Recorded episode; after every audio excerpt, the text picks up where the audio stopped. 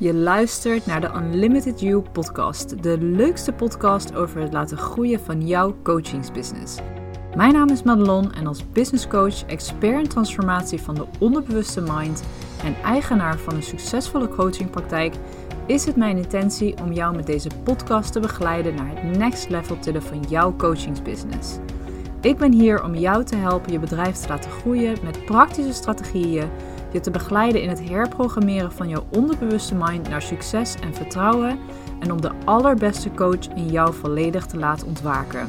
Zodat jij nog meer impact kunt maken, de allerleukste klanten aan kunt gaan trekken en de mooiste resultaten met hen kunt gaan behalen. Dus ben jij er klaar voor om door je belemmeringen heen te breken, in jouw volle potentie te stappen als coach en ondernemer en jouw coaching business next level te tillen? Blijf dan vooral luisteren. Welkom bij aflevering 30 van de Unlimited You podcast. En in deze aflevering wil ik het met je hebben over het imposter syndroom, oftewel het bedriegersyndroom. Ik ga met jou bespreken wat het is, waar het waarschijnlijk vandaan komt, hoe je het bij jezelf kunt gaan herkennen en ook wat je eraan kunt doen zodat je ervan los gaat komen, zodat het geen uh, impact meer maakt op je business en je dus volledig vrij je business kunt runnen en verder kunt groeien. Misschien heb je het van de week wel bij mij op Instagram voorbij zien komen. Ik heb het uh, in mijn stories een keer genoemd. Um, het imposter syndroom. En ik merkte dat er heel veel herkenning op kwam. Heel veel mensen die zich herkenden in de punten die ik noemde. En ik wil het eerst eens met je hebben over wat het imposter syndroom nou eigenlijk is.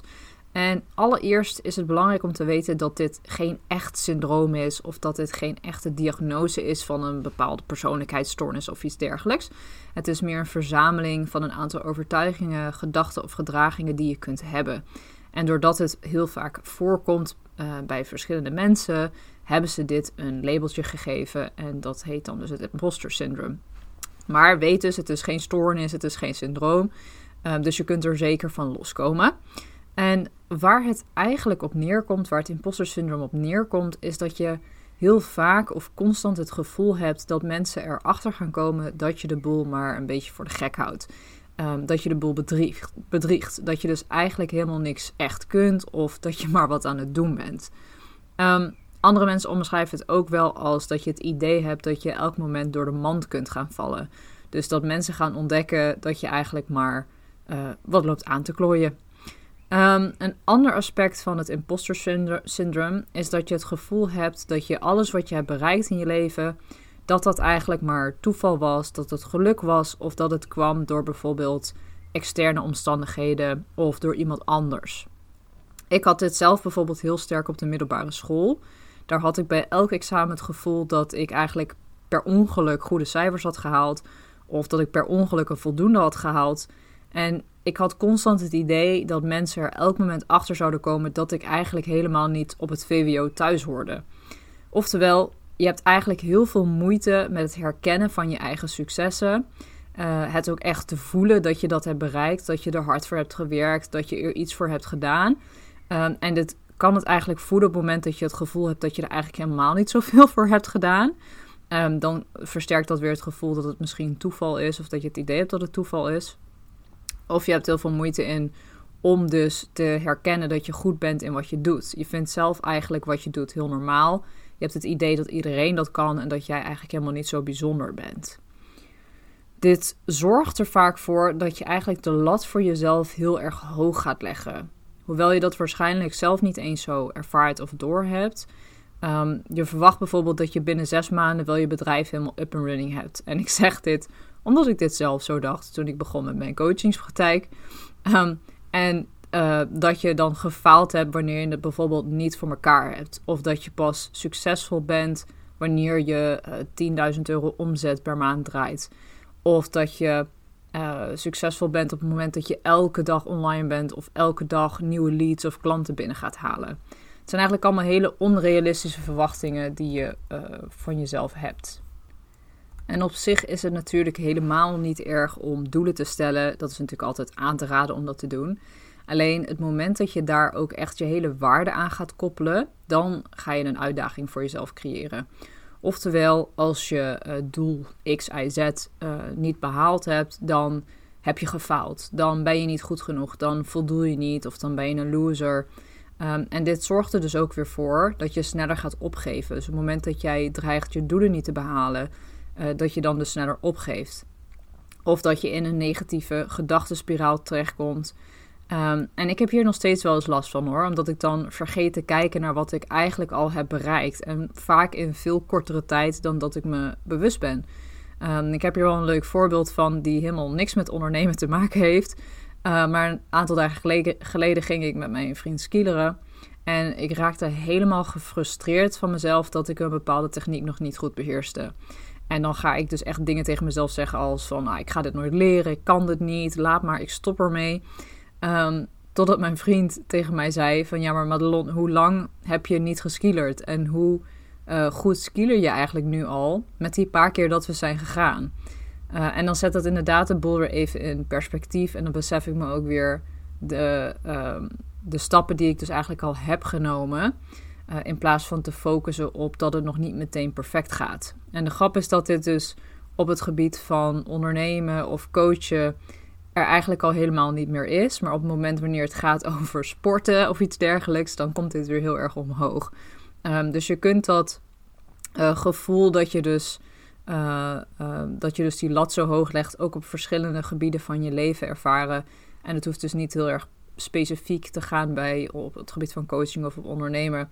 Het kan dus op allerlei gebieden van je leven weer de kop opsteken. Waar komt dit nou eigenlijk vandaan? Waar komt dat imposter syndrome vandaan? Um, en meestal moet je dan echt ver terug gaan kijken. Want vrijwel al onze negatieve overtuigingen, onze zelfperceptie, dus de aangemeten identiteit, um, die we vaak ook zelf omschrijven als bijvoorbeeld ons karakter of onze persoonlijkheid, onze gedragingen en al onze patronen ontstaan al in de hele vroege jeugd, tussen de 0 en de 7 jaar. Je bent op die leeftijd nog heel erg gevoelig voor die diepere laag, of zoals we dat in systemisch werk noemen, de onderstroom. Dat is eigenlijk alles wat er gebeurt, wat je misschien niet in de realiteit zo ziet of meekrijgt, maar wat je wel kunt voelen, wat voelbaar is. En op jonge leeftijd sta je daar veel meer voor open dan wanneer je wat ouder wordt en je eigenlijk meer vanuit je hoofd gaat leven. Um, maar je kunt het nog steeds wel eens voelen. Bijvoorbeeld op het moment dat jij een bepaalde ruimte inloopt en al direct voelt of die ruimte prettig voelt of niet. Of er spanning in de lucht valt uh, of in de lucht hangt. Of dat je je prettig voelt daar. Um, of wanneer je bijvoorbeeld uh, op de ene plek prettiger zit dan op een andere plek. Um, dus we kunnen het wel degelijk nog steeds voelen, alleen we staan er vaak veel minder mee in contact dan wanneer je nog jong bent. In die jonge leeftijd, dus van 0 tot 7 jaar, sta je daar eigenlijk nog volledig mee in verbinding. En ben je dus heel erg gevoelig voor die onderstroom, wat er dus eigenlijk, um, ja, als het ware in de lucht hangt. Dus als ouders bijvoorbeeld onderling spanning hebben, ook al uh, maken ze misschien geen ruzie voor je uh, waar je bij bent, maar dan krijg je dat toch mee. En datzelfde geldt voor hun visie op de wereld, op zichzelf, maar ook op jou, uh, op andere familieleden, de overtuigingen die zij hebben. Uh, die onderstroom is eigenlijk datgene waar je het meeste van, van leert en die je eigenlijk ook het meeste dus vormt. Op het moment dat dus je ouders, om wat voor reden dan ook, meestal komt het ook weer vanuit natuurlijk vanuit hun jeugd, vanuit hun overtuigingen die ze ooit hebben gecreëerd. Maar op het moment dat jouw ouders dus prestaties heel belangrijk vinden, dat kan ook zo zijn wanneer een van de ouders dat heel erg belangrijk vindt, dat bijvoorbeeld alles wat je doet, alles wat je creëert, uh, de opleidingen die je volgt, uh, school, dus de cijfers die je haalt, als daar heel erg de focus op ligt, dus dat is eigenlijk het allerbelangrijkste, uh, dan kan zo'n imposter syndrome al ontstaan. Kan ook gebeuren op het moment dat bijvoorbeeld de focus veel meer ligt op alles waar je eigenlijk nog in tekort schiet, op wat nog beter zou kunnen. Of datgene wat niet goed gaat. Dat daar eigenlijk dus de nadruk op ligt, de focus op ligt. En niet zozeer op de positieve dingen. Dus de dingen die al wel goed gaan, de dingen die je al wel heel goed doet. Om die eigenlijk te stimuleren. Uh, het ligt dus meer op de negatieve kant. Dus waar je dus in tekort schiet. Um, ook dan kan dus de overtuiging in jezelf ontstaan dat jouw waarde afhankelijk is van je prestaties. Van alles wat je wel kunt en alles wat je dus niet kunt. En ditzelfde geldt op het moment dat uiterlijk vertoon heel belangrijk is. Dus status, een bepaalde uh, opleidingsniveau. dus dat, dat universiteit bijvoorbeeld heel belangrijk is. En dat je misschien minder bent op het moment dat je HBO of MBO gaat doen. Zeker als er broertjes of zusjes in het spel zijn, die bijvoorbeeld een hoger niveau of lager dan jou hebben gestudeerd. Uh, dan kan dit dus ook uh, een rol spelen. Hetzelfde geldt voor de hoeveelheid geld wat je hebt, rijkdom, mooie spullen. Uh, dus echt het uiterlijke symptoom, de uiterlijke omstandigheden zijn heel belangrijk. Alsof daar dus je waarde van afhangt. Als dat er dus voor zorgt dat je een bepaalde waarde hebt of niet. Of dat je goed genoeg bent of niet. En uiteindelijk is het helemaal niet zo relevant waar het nou precies vandaan komt aangezien dat natuurlijk helemaal niks gaat veranderen. Het kan interessant zijn om te onderzoeken voor jezelf, om gewoon eens te kijken van hé, hey, hoe ging dat nou in mijn jeugd? Um, heb ik heel erg het gevoel gehad dat de nadruk misschien toch meer lag op de dingen die ik niet zo goed deed, of dat uh, school heel belangrijk was, dat presteren heel belangrijk was, dat een bepaalde baan krijgen heel belangrijk was. Dat eigenlijk dus vooral dat uiterlijke vertoon, uiterlijke omstandigheden uh, bepalend waren of je goed genoeg was of niet. Kan interessant zijn om te onderzoeken, maar bijt je vooral niet vast in dat analyseren, want dat brengt je uiteindelijk niet zo heel veel. Uh, je loopt zelfs het risico dat je in de valkuil stapt, dat je de schuld gaat geven aan je ouders, of zoals zij schuldig zijn aan wat jij nu voelt. Um, en dat is uh, absoluut niet zo. Zij hebben gedaan wat ze konden. Ze hebben je gegeven wat ze konden vanuit hun belasting, vanuit hun eigen familiesysteem natuurlijk ook weer. Um, uiteindelijk is het aan jou om bepaalde patronen te gaan doorbreken. Dus je hebt altijd zelf verantwoordelijkheid natuurlijk voor wat je doet en wat je voelt en wat je denkt. Zodra je schuld bij ouders neer gaat leggen, leg je het eigenlijk buiten jezelf en maak je het onmogelijk voor jezelf om dus te veranderen. Uh, wat veel interessanter is om te onderzoeken, is dus ook hoe kun je het gaan doorbreken. Want wat de oorzaak dan ook is, um, één ding is zeker, het imposter syndroom kan je enorm in de weg staan op het gebied van ondernemen, op het gebied van je uh, coachingspraktijk willen laten groeien. En ik noem drie manieren waarop het heel erg in de weg kan staan. Er zijn er nog veel meer. Uh, maar wellicht dat deze herkenbaar voor je zijn. Ik heb deze eigenlijk het vaakst teruggehoord van mijn klanten. Uh, dus ik ben benieuwd of je ook herkent. Uh, de allereerste die ik heel vaak hoor is dat je uh, moeilijke beslissingen uit de weg gaat. Of dat je nieuwe dingen eigenlijk maar met pijn en moeite uh, probeert. Of dat je het maar één keer doet. En op het moment dat het dan niet het resultaat oplevert wat je verwacht, dat je dan eigenlijk weer meteen mee stopt. Um, en dit eigenlijk allemaal om maar niet het risico te hoeven lopen dat je misschien faalt of dat het mislukt. Um, of dat je al heel snel eigenlijk het gevoel hebt van, oh, ik moet dit niet meer doen, want um, daardoor lijkt het net alsof ik uh, niet weet waar ik mee bezig ben. Uh, en datzelfde geldt dus voor moeilijke beslissingen uit de weg lopen, uh, uit de weg gaan. Want ook daar weer loop je natuurlijk het risico dat je misschien een verkeerde beslissing neemt en daardoor dus ook weer faalt. Tweede wat ik heel vaak hoor is dat je je aanbod niet durft te doen. Of dat je je tarieven niet durft te benoemen uh, of überhaupt durft te bepalen uh, of hele lage tarieven eigenlijk hebt. Omdat je het gevoel hebt dat je daar nog niet klaar voor bent of dat je het nog niet kan tussen aanhalingstekens of mag. Uh, of je durft jezelf niet zichtbaar te maken omdat je bang bent dat mensen dan misschien denken van oh wat weet zij nou of wat heeft zij nou weer meegemaakt waardoor ze coach kan zijn. Um, dat soort dingen. Dus je durft je aanbod niet te doen, je tarief niet te bepalen of niet zichtbaar te zijn. Ook wederom weer niet zichtbaar te zijn met je aanbod dus. Uh, als derde kun je het gevoel hebben dat je enorm moet presteren of dat je een bepaalde transformatie moet geven wanneer je bijvoorbeeld met klanten werkt of met je coaches werkt. Of dat je allerlei extra tijd investeert of extra dingen geeft omdat je het gevoel hebt dat je constant eigenlijk meer waarde moet toevoegen aan je diensten. Omdat je ergens het gevoel hebt dat het niet waardevol genoeg is. Wanneer je hier niets mee doet, dus wanneer je dit gewoon er laat zijn, kun je je vast voorstellen wat het effect ook gaat zijn op je business. Niet alleen kost, het je, kost alles je eigenlijk veel meer energie, veel meer tijd, veel meer moeite, maar je gaat het ook echt één op één zien in je resultaat. Het gaat er namelijk voor zorgen dat je bepaalde beslissingen niet gaat nemen, niet durft te nemen in je business. Dat je nieuwe dingen niet of amper probeert. Dat je uh, veel te veel blijft geven en daardoor als het ware leeg loopt of in de knel komt met je tijd. Dat je over je eigen grenzen heen gaat. Dat je de controle eigenlijk verliest op jouw uh, planning, op jouw agenda. En uh, dat je niet gaat zien wat je al wel hebt bereikt. Kortom, het is absoluut de moeite waard dus om hier iets aan te doen. Om dus te gaan kijken van hé, hey, wat kan ik zelf transformeren in dat imposter syndroom, in die eigenschappen die ik eigenlijk heb.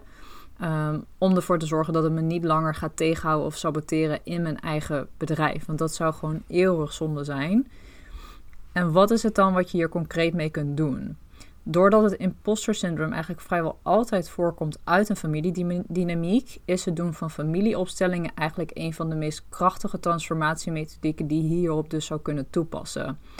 Tijdens een opstelling ga je namelijk aankijken wat er op dat moment aangekeken mag worden. En uh, wat jou dus verder gaat helpen in jouw eigen proces. En dat maakt deze methodiek zo mooi. Je krijgt altijd precies datgene te zien wat je nu nodig hebt, niet meer en niet minder. Dus op het moment dat je diepgaand dit soort patronen gaat doorbreken, ga je dus volledig in jouw eigen kracht staan als volwassen jij. Dat wil zeggen dat je dus van binnenuit gaat voelen dat je helemaal goed genoeg bent, dat je alle kennis en kunde hebt die je nodig hebt. Um, en ga je veel meer vanuit zelfvertrouwen ook in je business bewegen. Wat er dus voor zorgt dat je veel gemakkelijker je aanbod gaat doen, dat je veel gemakkelijker prijzen bepaalt die passen bij jouw diensten, dat je jezelf zichtbaar maakt gewoon vanuit de authentieke jij die je bent en ga zo maar door. En dat ga je dus 100% merken in je business. Je wordt er namelijk niet alleen een betere ondernemer van, maar ook nog eens een betere coach. Je wordt letterlijk beter in je werk.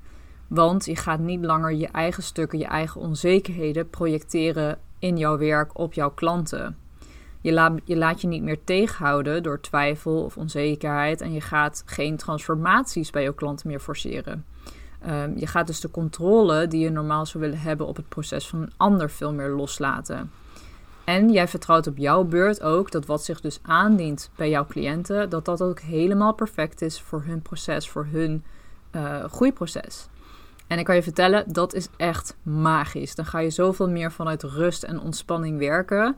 En dat ga je dus ook gewoon echt merken bij de resultaten die je met je cliënten hebt. Doordat je als het ware het proces leidend laat zijn. En niet langer je eigen uh, angsten, je eigen onzekerheden, je eigen controlebehoeften. Denk jij nu, yes, ik wil dit ook? Vraag dan vooral een gratis 1 op 1 inzichtsessie aan met mij. Uh, want wellicht zijn wij dan een mooie match en kan ik je begeleiden in het worden van de beste coach in jouw vakgebied, terwijl jij je business ook nog eens laat groeien.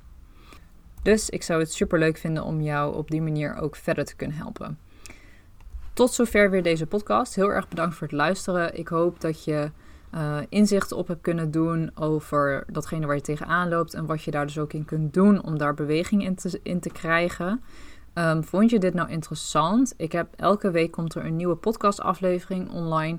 En dagelijks ben ik actief op Instagram, waarbij ik al mijn kennis en inzichten deel over persoonlijke ontwikkeling, spiritualiteit, ondernemen, je coachingbusiness opbouwen. En je krijgt natuurlijk ook een kijkje in mijn leven als uh, transformatief business coach. Voor nu wens ik je een hele mooie dag of avond wanneer je dit ook luistert. En heel graag weer tot een volgende aflevering. Doei doei!